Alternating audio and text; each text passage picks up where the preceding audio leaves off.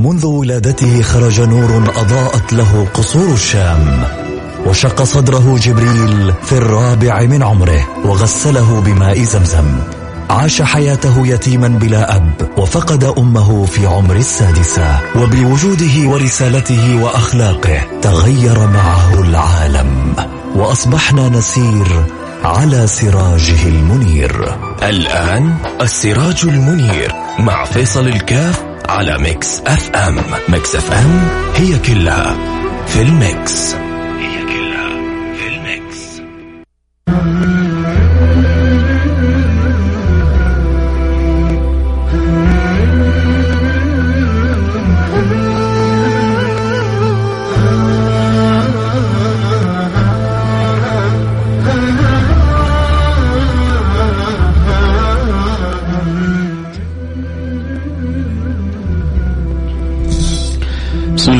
الرحيم. الحمد لله والصلاة والسلام على رسول الله وعلى آله وصحبه ومن والاه وأسأل الله سبحانه وتعالى في هذه الجمعة المباركة أن يقبلنا الله وإياكم وأن ينظر إلينا وأن يصطفينا وأن يزكينا وأن ينقينا وأن يرقينا وأن يقبلنا على ما فينا وأن يتوب علينا توبة نصوح يطهرنا بها قلبا وجسما وروح وأن يرضى عني وعنكم اللهم آمين يا رب العالمين. هذه الجمعة التي فيها ساعة الإجابة هذه الجمعة التي فيها الدعوات مستجابة هذه الجمعة التي هي عيد المسلمين هذه الجمعة التي خصها المولى سبحانه وتعالى بأمة النبي الأمي الأمين سيدنا محمد صلى الله عليه وعلى آله وصحبه وسلم. فأراد أن يخص النصارى فاختاروا الأحد وأراد أن يخص اليهود فاختاروا السبت وكانت الخبيئة في الجمعة. فأضلوها وأكرم بها رسول الله. سيدنا محمد صلى الله عليه وعلى آله وصحبه وسلم فجعل اليوم المبارك اليوم المعظم اليوم الذي فيه هذا العيد المصغر هو يوم الجمعة خاص بأمة النبي المصطفى صلى الله عليه وعلى آله وصحبه وسلم. وفي كل ليلة ينادي المنادي من منتصف الليل هل من مستغفر هل من تائب هل من ذي حاجة إلا ليلة الجمعة فينادي المنادي من بعد المغرب هل من مستغفر هل من تائب هل من ذي حاجة فأقضي له حاجته فأسأل الله سبحانه وتعالى أن يقضي حوائجنا وحوائجكم ويرضى عني وعنكم ويقبلنا على ما فينا ويجعلنا وإياكم من خيرة خلقه اللهم آمين يا رب العالمين. برنامج السراج المنير البرنامج الذي يحدثنا عن البشير النذير. حبيبكم المصطفى سيدنا محمد صلى الله عليه وعلى آله وصحبه وسلم. ومهما تكلمنا في هذا الحبيب المصطفى فنحن مجمعون على أننا لن نوفيه حقه. وكما قال القائل وعلى تفنن واصفيه بوصفه وعلى تفنن واصفيه بوصفه. أي مع كل المحاولات. وكل الرغبات والإرادات في تقريب هذا الحبيب بأخلاقه وشمائله إلى الأذهان. الغوص على الصبر ما في هذا النبي المصطفى من النفائس والدرر والجواهر وعلى تفنن واصفه بوصفه.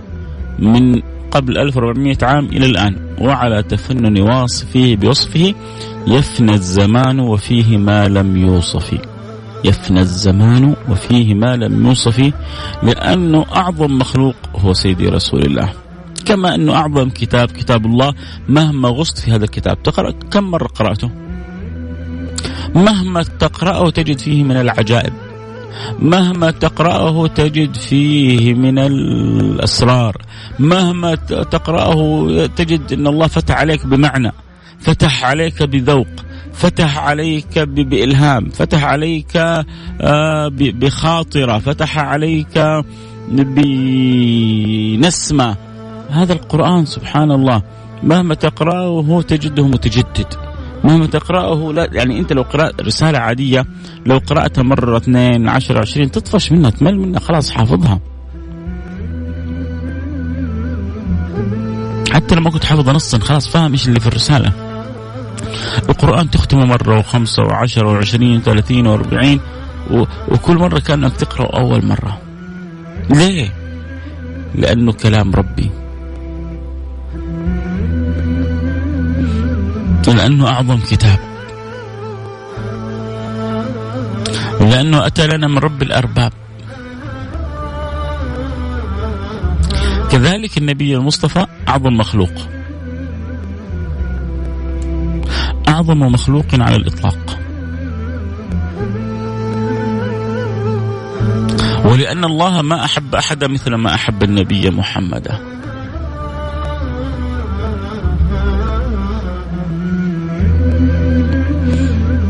ولأن سيدنا محمد جوهرة الله في أرضه. لما اجتمع الصحابة وأخذ كل واحد منهم يمدح نبي من الأنبياء. فقال أولهم ألا إن إبراهيم خليل الله. والثاني قال ألا إن موسى كليم الله. والثالث قال إن عيسى روح القدس. كل كلامهم صح. النبي يسمعهم مر النبي عليهم واستوقفوا هذا الكلام. قال أما إن موسى كريم الله. أما إن إبراهيم خليل الله أما إن عيسى روح القدس كل اللي قلته صح. ولكني حبيب الله. ولكني حبيب الله. ولكني حبيب الله. من هو؟ سيدنا محمد بن عبد الله. فهو حبيب الله وهو خليل الله وهو صفي الله. كان يقول في الحديث الآخر لو كنت متخذا في الأرض خليلا لاتخذت أبا بكر خليلا ولكن الله ولكن الله اتخذني خليلا. فما أحب الله أحدا مثل ما أحب النبي محمدا ولذلك الحب الذي عندنا الحب الذي الذي لا ينتهي العشق في ذكره الذي لا ينتهي الاستئناس بالغوص في أخباره وشمائله الذي لا ينتهي. هو من سر حبنا لله. فلولا أن الله أحب النبي هذه المحبة ما أحببناه. ولو أن لولا أن الله اصطفاه هذا الاصطفاء ما تعلقنا به. ولولا أن الله جعله صفوة الخلق ما صفى لنا. ولكن كل ما يجري من من العلائق والعلقة والحب. هو امتثال لأمر الله. وتعلق بصفوة الله في أرضه. وحب من حب الله له. فنحن نحب ما يحبه الله. ونبغض ما يبغضه الله. فكل أمر يحبه الله نحبه وكل أمر يبغضه الله نبغضه هذا المفترض.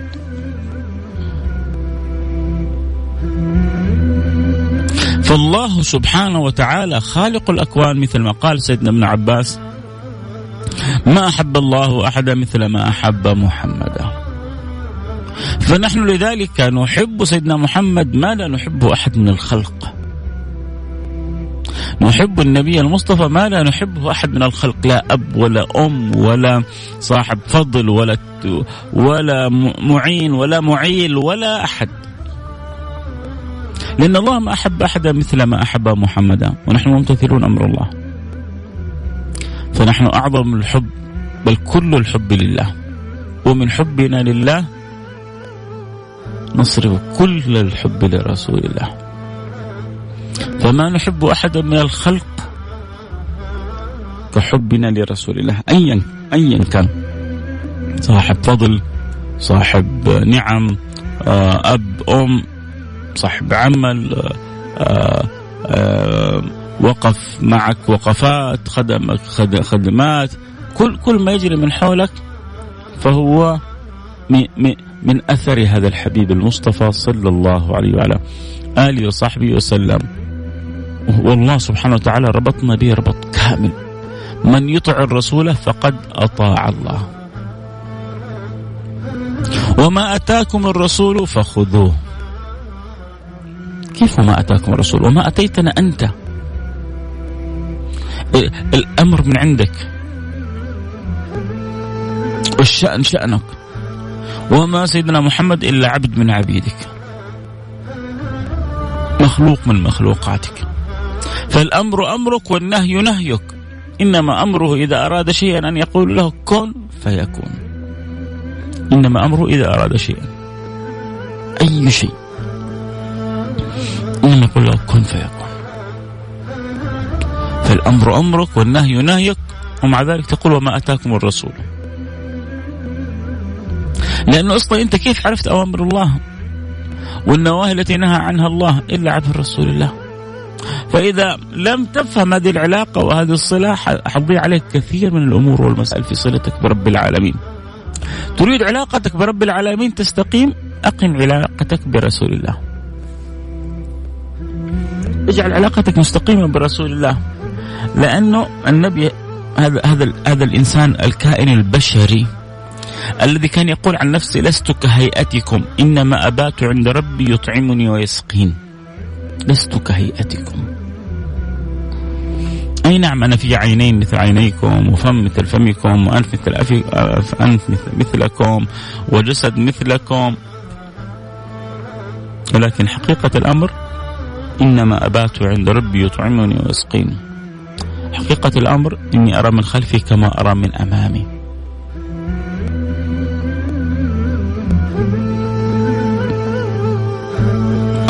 مختلف وشان مختلف. قوة النبي ليست كقوة أحد من البشر. عظمة النبي ليست كعظمة أحد من البشر. يجتمع الصحابة كلهم. حتى يكسروا كدية حجرة صلبة. ويحجزوا عن كسر هذه الكدية. فيأتي النبي صلى الله عليه وسلم يضربها ضربة يجعلها قاعا صفصفا. في الضربة الأولى ثلثها وفي الضربة الثانية ثلثها وفي الضربة الثالثة ثلثها الأخير. وتتحول وكأنها أملس من التراب. هذا الذي عجز عنه كل الأصحاب واعترضتهم هذه الكدية. وعرف أن ما لهم بعد عون الله إلا رسول الله. فكلم رسول الله. والآن أمر أمر أمر مهم أمر نصرة الدين. اجتمع الأعداء ما لم يجتمعوا من قبل ذلك من كل حدب وصوب حتى اللي عاهدوا النبي نقضوا العهود. ليه؟ لأن أخبرهم أنه خلاص كلنا خرجنا. محمد منتهي منتهي. محمد ميت ميت. تبغوا تستمروا في في حلفكم. في عهودكم مع محمد. يلا كلوا على راسكم بعدين.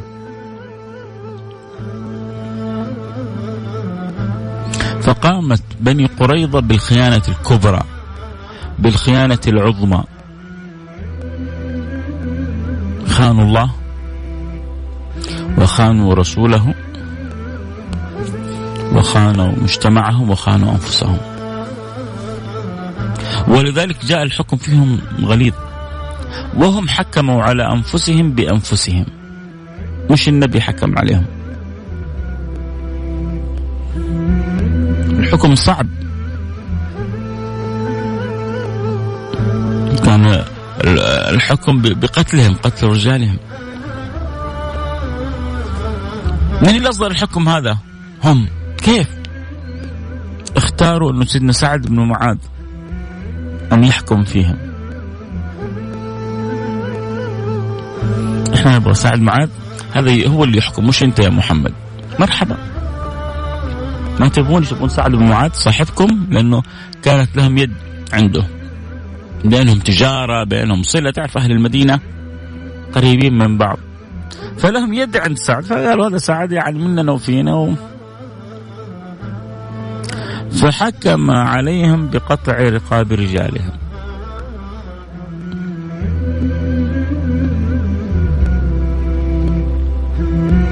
فبعد الحكم عليهم بقطع الرقاب أيد الله سبحانه وتعالى حكم سيدنا سعد وقال له النبي هذا حكم الله فيهم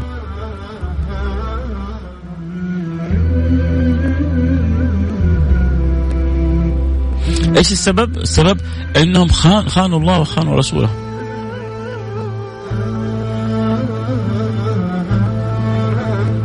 ولذلك تهلب الأعداء كلهم على النبي. كل حدب نصوب فالأمر جدا مهم. وكما قال النبي إن تهلك تلك العصبة لا تقم للدين قائمه هذه العصبة الوحيدة اللي على دين الله سبحانه وتعالى.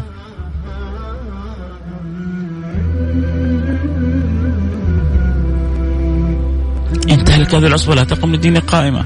خرج النبي صلى الله عليه وسلم وأبهرهم في تلك الغزوة. الكدية عليه طب جعانين يجي سيدنا جابر يشوف الجوع في في في وجه النبي صلى الله عليه وسلم. يقول لزوجته عندك طعام؟ أنا ما عندي إلا هذا العناق شاة صغيرة. طيب اطبخيها شوية شعير وهذا العناق وبس يكفي خمس أشخاص. سيدنا جابر يروح عند النبي يقول له قد رأيت فيك يرسل سيدنا أنس. قد رأيت أثر التعب في رسول الله هل دعوته للطعام عندي ومعه اثنين ثلاثة.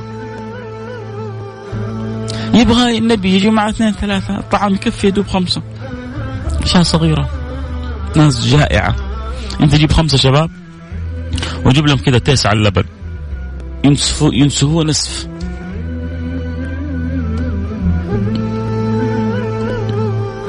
في العناق يعني يدوب فسيدنا أنس لما خبر النبي صلى الله عليه وسلم سيدنا جابر يدعوك ويقول لك يعني هل أتيت معك يعني ب يعني اثنين ثلاثة من حولك؟ دعا أهل الخندق كلهم. قرابة ال 1400 1500 كلكم تعالوا. جابر اليوم مسوي لكم وليمة.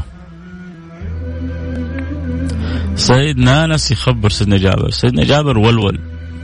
رجع عند زوجته. تعرف إحنا الواحد فينا لما يسوي عزومة أول ما يشيل شيء هم الحرمة. يعني لو قال لها عندي خمسة وجو عشرين ثلاثين يعني أعرف إيش حتسوي فيه. جربها أنت بس. جربها وشوف كيف حرمتك تسوي فيك. قول له اليوم عندي بيجوا ثلاثة أربع أشخاص يتغدوا يتعشوا. حتدخل وتتعب وتسوي لك سلطة وتبولة و... و... وأكلة حلوة هنية و... وصحون وترتيب وعصاير. بعدين يقول له والله يعني قبل العشاء بساعة ولا بنص ساعة تقول لها يعني سامحيني ترى اللي جو ثلاثين. كيف تقول لي ثلاثة وصاروا ثلاثين؟ إيش حتقول لك؟ يا حبيبي يا نور عيني يا قلبي اللي ما في زيك. إيش الكرم ده؟ إيش الهنا اللي أنا فيه ده؟ إيه إيش إيش الجمال ده؟ حتفرح منك صح؟ ولا حتعطيك كم كلمة في العظم؟ ولا حتعطيك كم كلمة توجعك؟ ولا حتعطيك كم كلمة تصحيك؟ تقول لي ثلاثة وأطبخ من أمس وأنا أستعد أو من اليوم الصباح أنا أستعد. وفجأة بعدين يتحولوا ثلاثين؟ ممكن تطردك أنت تقول لك يلا روح غديهم برا.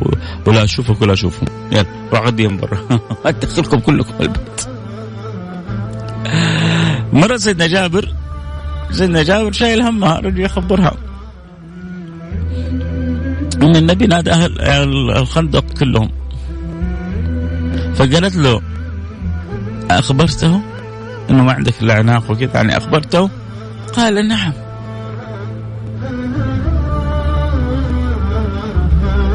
فلما قال نعم قالت يعني في معنى كلامي إذا نسلم لرسول الله. الله ورسوله أعلم. النبي هو أحرف. سيدنا رسول الله قال سيدنا أنس المكان اللي فيه الأكل لا يحركونه فليدعوا البرمة كما هي. فأخذ النبي صلى الله عليه وسلم البرمة الصغيرة تكفي خمسة هذه يخرج آه، اللحم ويخرج الخبز ويخرج اللحم ويخرج الخبز ويخرج اللحم ويخرج الخبز. حتى شبع الجيش بأكمله.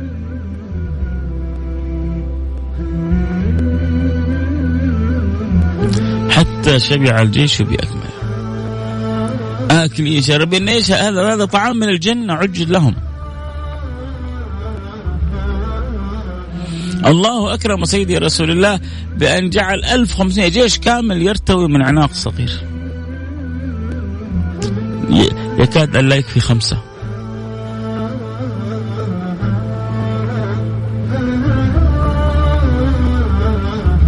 والبرمة تفور. وتنبض وتخرج. من فين جت هذه كلها؟ من عند الله. فالصحابة شافوا من النبي اللي ما يستطيع عقل أن يستوعبه إلا أن يسلم. ويعرف أنه قد إيش هذا بالفعل؟ محبوب رب العالمين اللي يخليه يرسق في بير ف... فينض وينبض بكثرة الماء. اللي يخليه لما الجيش عنده يعطش يخرج ماء من بين أصابعه. من بين أصابعه.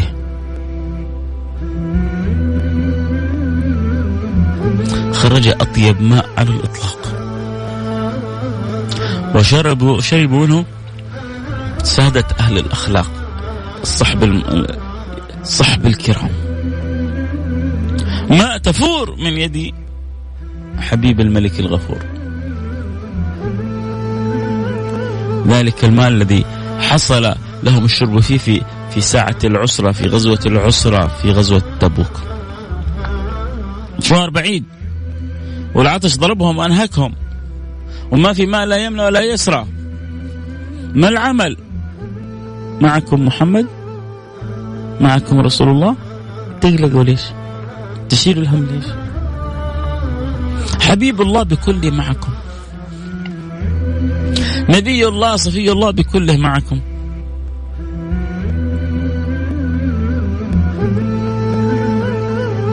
وبعدين يعني سبحان الله النبي أكرم أمته بمعجزات وكرامات من غير ما يرهقهم. الحواريين إيش يقولوا؟ وإذ قال الحواريون يا عيسى بن مريم هل يستطيع ربك أن ينزل علينا مائدة من السماء؟ قالوا اتق قال اتقوا الله إن كنتم مؤمنين. قالوا نريد أن نأكل منها وتطمئن قلوبنا ونعلم أن قد صدقتنا ونكون عليها من الشاهدين. قال اللهم ربنا أنزل علينا مائدة من السماء تكون لنا عيدا لأولنا وآخرنا وآية منك وارزقنا وأنت خير الرازقين.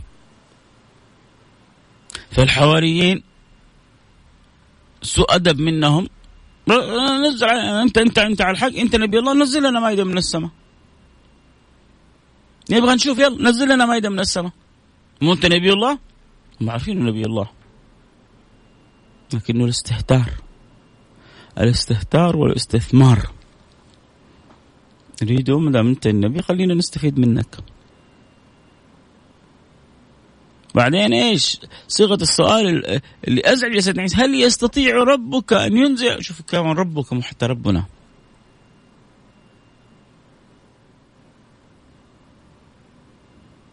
أنه بداية الآية وإذا أوحيت إلى الحواريين أن آمنوا بي برسولي قالوا آمنا واشهد بأننا مسلمون. لكن الابتلاء هل يستطيع ربك؟ طب قولوا ربنا. أدب الخطاب. أن ينزل علينا مائدة من السماء؟ قال اتقوا الله إن كنتم مؤمنين. أنتم مؤمنين ولا مش مؤمنين؟ إيش الكلام هذا؟ أنت تتكلم عن خالق الأرض والسماء. اللي خلق الكون هذا كله بغير عمد ترونها. اللي خلق الكون كله هذا في ستة أيام. وقادر على أن يخلقه كله في لحظة لو شاء.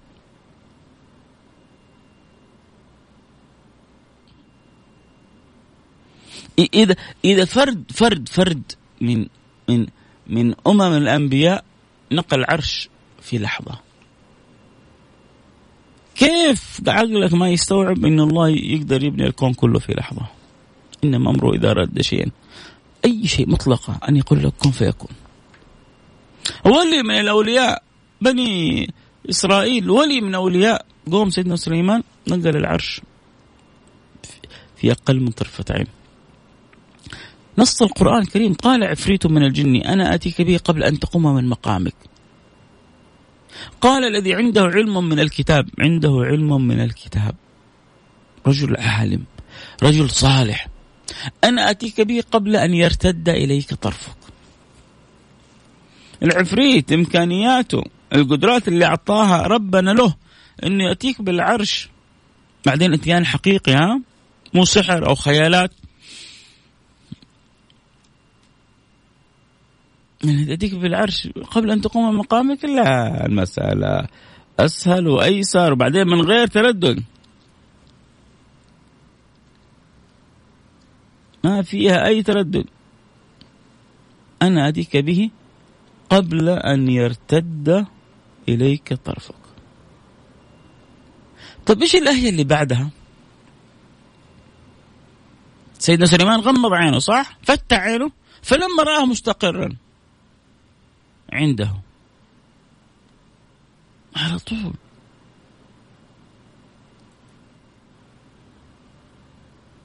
قال هذا من فضل ربي.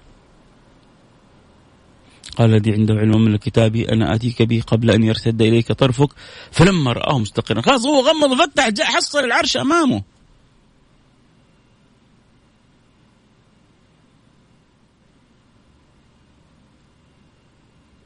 وإيش إيش سر القوة هذه اللي كانت عند آصف بن برخيا؟ يقولون هذا هذا الرجل العالم الذي نقل العرش. كما ذكرت كتب التفسير كما ذكر ذلك ابن كثير في تفسيره.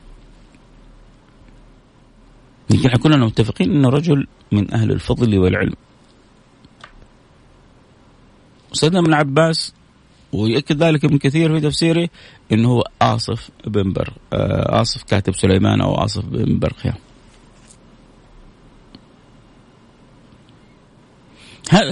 ما السر ما القوة اللي عنده؟ قالوا كان عنده اسم الله الأعظم. وكان يعلم اسم الله الأعظم. واسم الله الأعظم إذا دعا الداعي به أجاب الله دعوته. فقال الذي عنده علم من الكتاب فسر علمه معرفته باسم الله الأعظم. هذه هذه القوة الكامنة الخارقة اللي كانت عند عند آصف. علمه بسم الله الأعظم. عفريت الجن يبغى قبل ما تقوم من مقامك تعرف كم إنك تقوم من مقامك؟ ثواني. جرب إنك تكون جالس وبعدين توقف. هذه قبل أن تقوم من مقامك. العفريت قال له أنا نقول لك العرش كله قبل ما تقوم من مقامك. شوفوا هذا العفريت الجني العالم الإنسي العالم آه، البشري الخاضع المتأدب. الخاشع المخبت بين يدي ربه. إنسان. ولكنه عرف عظمة مولاه وعرف ضعفه. وعرف كرم الله له. إذا عفريت الجن بيجيب لك إياه قبل ما تقوم مقامك أنا أنا أتيك به قبل أن يرتد إليك طرفك. أول كلمة على طول قالها بعد ما فتح سكر عينه فتح عينه شاف العرش أمامه فلما رآه مستقرا عنده قال هذا من فضل ربي ليبلوني أشكر أم أكفر؟ ومن شكر فإنما يشكر لنفسه ومن كفر فإن ربي غني كريم. قال هذا هذا هذا هذا كرم من الله سبحانه وتعالى. وهذا الكرم في صورة ابتلاء. إذا تجاوزته كنت عظيم وإذا ما تجاوزته كنت ذميم. هذا من فضل ربي ليبلوني أشكر أم أكفر.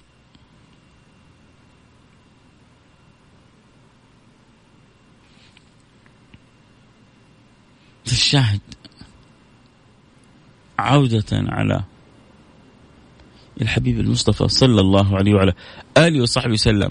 شوفوا كيف التسلسل في الكلام كنا نتكلم عن سيد رسول الله وعن كيف إنه اهتمامه بأمته ورعايه الأمة وعدم ابتلاء يعني آه آه الله لأمته إكراما لرسول الله. وكيف سيدنا عيسى لما طلب إنزال المائدة؟ ما كملت لكم يعني الخبر. قال هل يستطيع ربك أن ينزل علينا مائدة من السماء؟ قالوا اتقوا الله إن كنتم مؤمنين. وبعدين توجه سيدنا عيسى إلى ربه.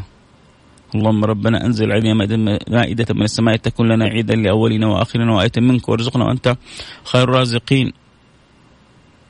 الله سبحانه وتعالى ماذا قال سيدنا عيسى؟ قال الله إني منزلها عليكم. فمن يكفر بعد منكم فإنه أعذبه عذابا لا أعذبه أحدا من العالمين. أنا حنزل عليكم مائدة من السماء. لذلك سميت سورة المائدة.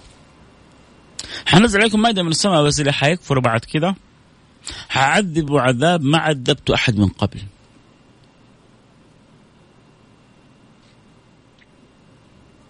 هم يتشرطون في إيماني في الإيمان بي.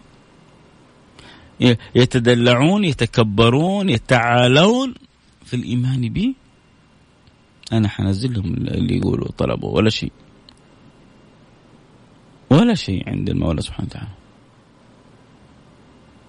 لكن يا ويل اللي يكفر بعدها يا ويل اللي يكفر بعدها يا ويل اللي يكفر بعدها شوفوا كيف كانت الأمور في الأمم السابقة. الله سبحانه وتعالى ما حملنا؟ ما لا طاقة لنا به. والنبي ما حملنا؟ وفوق هذا أنزل مائدة كمائدة السماء وربما أعظم. والنبي خرج بيده من طعام السماء ويوزعه على الصحابة؟ إيش العناق الصغير هذا؟ إيه، اللي يكفي جيش كامل.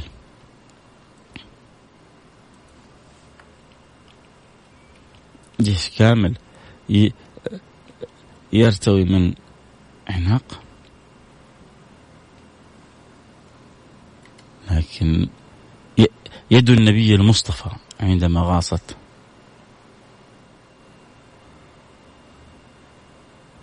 يد النبي المصطفى صلى الله عليه وسلم عندما دخلت في البرمة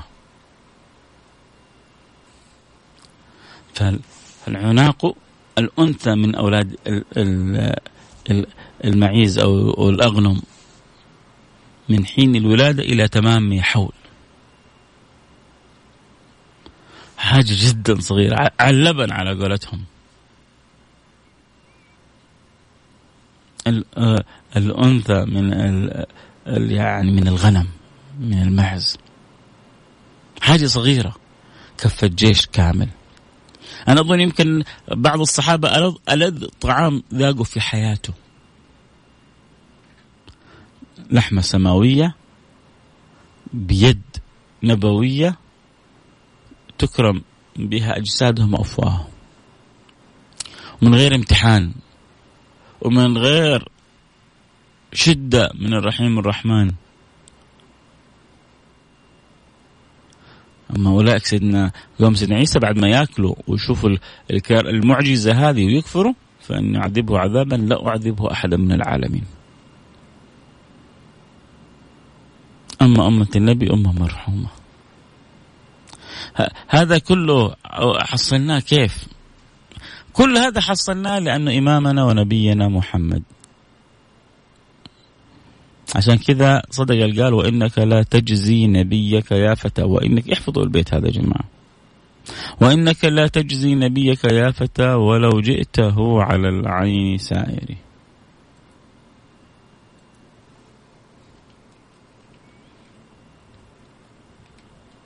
مهما حاولت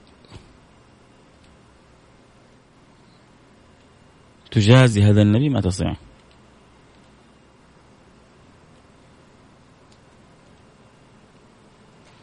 مهما حاولت أن تكافئ ما تستطيع.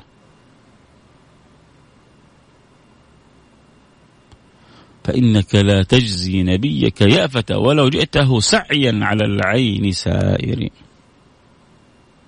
فإنك لا تجزي نبيك يافة ولو جئته ساعيا على العين سائر.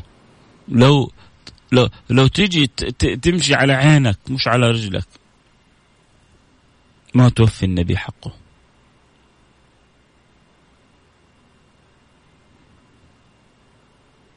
ولذلك تعرف قدر هذا النبي المصطفى تتأدب مع رسول الله تسأل الله الصدق والإلحاح في حب النبي المصطفى وعصى من الله القبول.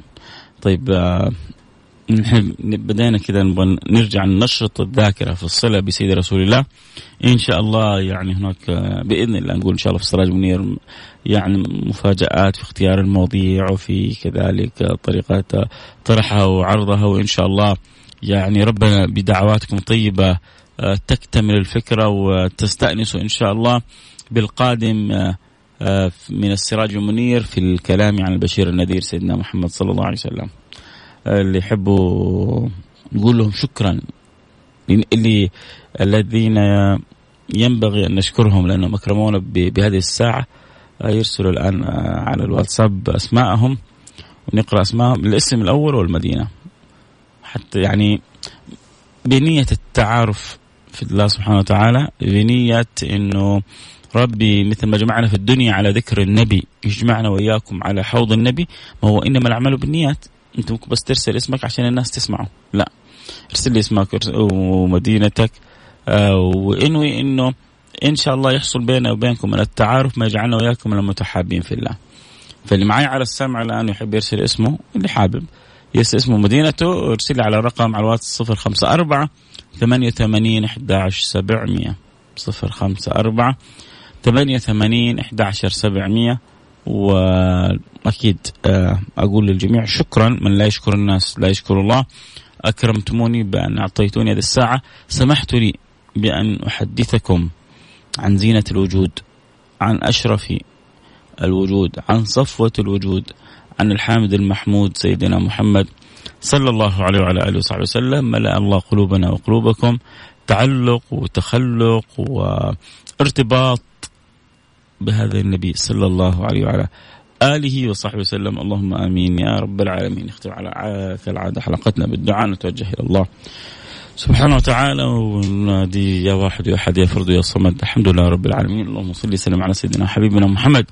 وعلى آله وصحبه أجمعين. اللهم يا أكرم الأكرمين ويا أرحم الراحمين. يا من لا تخيب من دعاك ولا ترد من رجاك. وأنت الأكرم وأنت الأرحم وأنت الأعظم وأنت رب العباد. نحن عبادك الضعفاء. نحن عبادك المساكين. نحن عبادك المفتقرون إليك. نحن عبادك المحتاجون إليك. فنسألك يا أكرم الأكرمين ويا أرحم الراحمين. يا من لا تخيب من دعاك ولا ترد من رجاك. وأنت تعلم أن ليس لنا إله سواك فندعوه ولا مولى غيرك فنرجوه. فإن طردتنا فأي باب نقرع ونسألك أن ترضى عنا وأن تصلح لنا أحوالنا وأن تتوب علينا توبة نصوح تطهرنا بها قلبا وجسما وروح وأن تقبلنا على ما فينا. وأن ترضى عنا وأن تتوب علينا توبة نصوح وأن تجعلنا ممن أكرم بالفتح والمنح والتأييد والصلح. وأن ترضى عنا يا رب العالمين. ارحمنا برحمتك الواسعة. ارحمنا برحمتك الواسعة. ارحمنا برحمتك الواسعة. إنك أرحم الراحمين، اللهم نسألك يا أكرم الأكرمين ونحن في هذه الساعة المباركة أن تجعلنا ممن تصادف دعواته ساعة الإجابة، اللهم اجعلنا ممن تصادف دعواته ساعة الإجابة، اللهم اجعلنا ممن تصادف دعواته ساعة الإجابة يا رب العالمين. اللهم اجعلنا ممن مفقين لكل خير المصروف عنهم كل شر وكل ضير. اللهم نسألك يا أكرم الأكرمين ويا أرحم الراحمين أن تقضي لنا حاجاتنا وأن تيسر لنا أمورنا وأن ترضى عنا وأن تقبلنا على ما فينا وأن تلهمنا وأن تعطينا. يا أكرم الأكرمين يا أرحم الراحمين إنك أنت الله.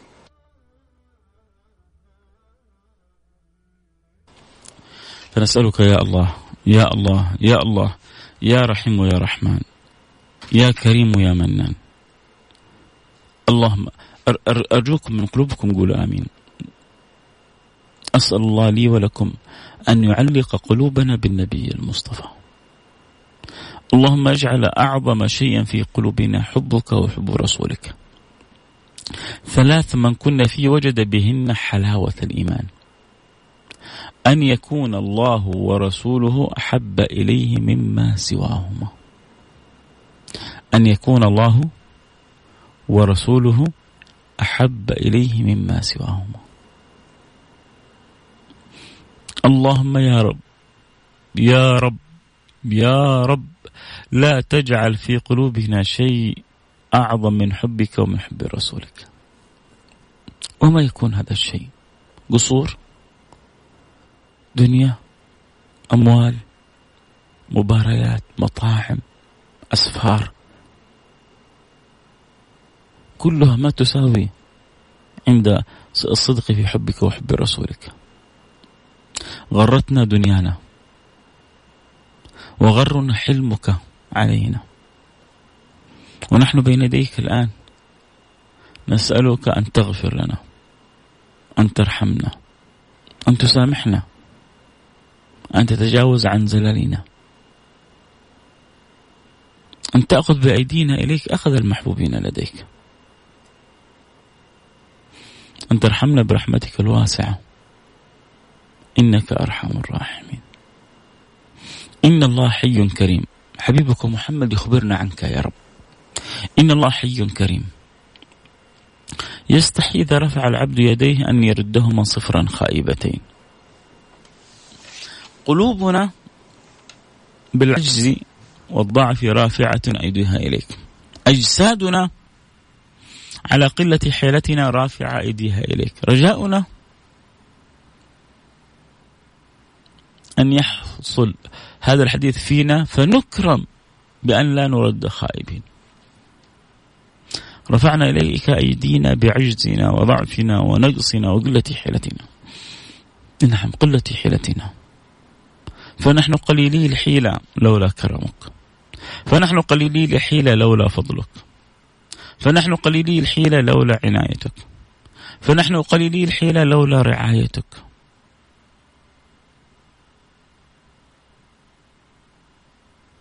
فيا حنان ويا منان يا رحيم ويا رحمن يا ذا الجلال والإكرام. عاملنا بما أنت له أهل ولا تعاملنا بما نحن له أهل. ارحمنا برحمتك الواسعة التي ترحم بها خاصة من تحب. ردنا إليك مردا جميلا. تب علينا توبة نصوح طهرنا بها قلبا وجسما وروحا. وارحمنا برحمتك الواسعة إنك أرحم الراحمين. اللهم الساعة هذه من يدعو معي الآن وله حاجة في قلبه. يا قاضي الحاجات من يقضي الحاجات إلا أنت؟ يا مزيل العثرات من يزيل العثرات إلا أنت؟ يا مكرم البشر من يكرم البشر إلا أنت؟ يا معطي من يعطي غيرك إلا أنت؟ فأنت المعطي ولا معطي غيرك. فيا معطي يا جواد يا مكرم يا متفضل يا رحيم يا رحمن. ارضى عنا. واصلح لنا أحوالنا. واجعلنا كما تحب وترضى. واقضي لنا حوائجنا واشفنا من جميع أمراضنا يا رب. يا رب. يا رب. يا رب. اللهم نسألك ونحن في هذه الساعات التي فيها إجابة الدعوة أن تحفظ لنا خادم الحرمين الشريفين. وأن تعينه وأن توفقه وأن تجعل خير معين له ولي عهده وابنه وحبيبه. وفقهم لكل ما فيه الخير للعباد والبلاد. اجعلهم موفقين مؤيدين ملهمين يا رب العالمين. اجرى الخير الكثير على أيديهم لبلادنا خاصة وللأمة عامة. وارزقهم البطانة الصالحة.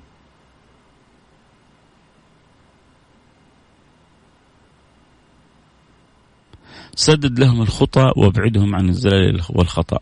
وكل من وليته أمر المسلمين. اللهم اصلح الراعي والرعية واصلح الأمة المحمدية. واجعلهم يا ربي كما تحب وترضى. واصلح حالنا معهم. واصلحنا وتب علينا. وانظر إلينا. وردنا إليك مردا جميلا. وسع لنا في أرزاقنا. واقضي عنا ديوننا. واشفنا من جميع أمراضنا. واقبلنا على ما فينا. وارحمنا برحمتك الواسعة. إنك أرحم الراحمين. اللهم آمين يا رب العالمين. اللهم من له حاجة في هذه الساعة وهو يؤمن على دعائنا. فنسألك أن نؤمن على دعائه وأن تقضي له حاجته. اللهم اجعلها ساعة قضاء للحوائج. قولوا قلوبكم آمين. اللي عليه دين اللي يبغى عروسة اللي يبغى وظيفة اللي يبغى يعمل أعمال بر اللي يبغى يحفظ القرآن اللي يبغى يكون عالم اللي يبغى يكون صالح اللي يبغى يكون ولي اللي تبغونه اطلبوا من ربكم. كانوا الصحابة يسألون الله كل شيء حتى ملح الطعام. كانوا يسألون الله كل شيء حتى ملح الطعام. وإحنا نبغى نسأل الله كل شيء. وربنا قادر على كل شيء. عموما إن شاء الله يعني نكون آه، الحلقة يا رب تكون وصلت فكرتها وصلت رسالتها. بإذن الله مستمرين إحنا وياكم في الحلقات الأسابيع القادمة وكل حلقة إن شاء الله يا رب يجعل لها وقع في في في قلوبنا في قلوبكم. اعتذر يمكن ما ذكرنا الأسماء. قد يكون عندنا في مشكلة هنا في الواتساب. ما فتح معايا. نفترض إنه العادة يكون فاتح. إن شاء الله نعوضكم في الاسابيع القادمة بإذن الله سبحانه وتعالى. إن شاء الله عندي مجموعة من الأفكار متعلقة بالسراج المنير. بإذن الله سبحانه وتعالى ما يخيبنا الله سبحانه وتعالى وإن شاء الله تستأنسوا بما يعني يجعلنا واياكم نتلد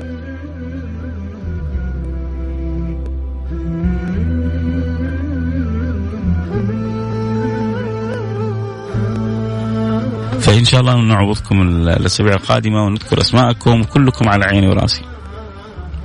كلكم على راسي من فوق فلكم مني كل الحب والود. جمعة مباركة لا تنسوا بعضكم البعض من الدعوات.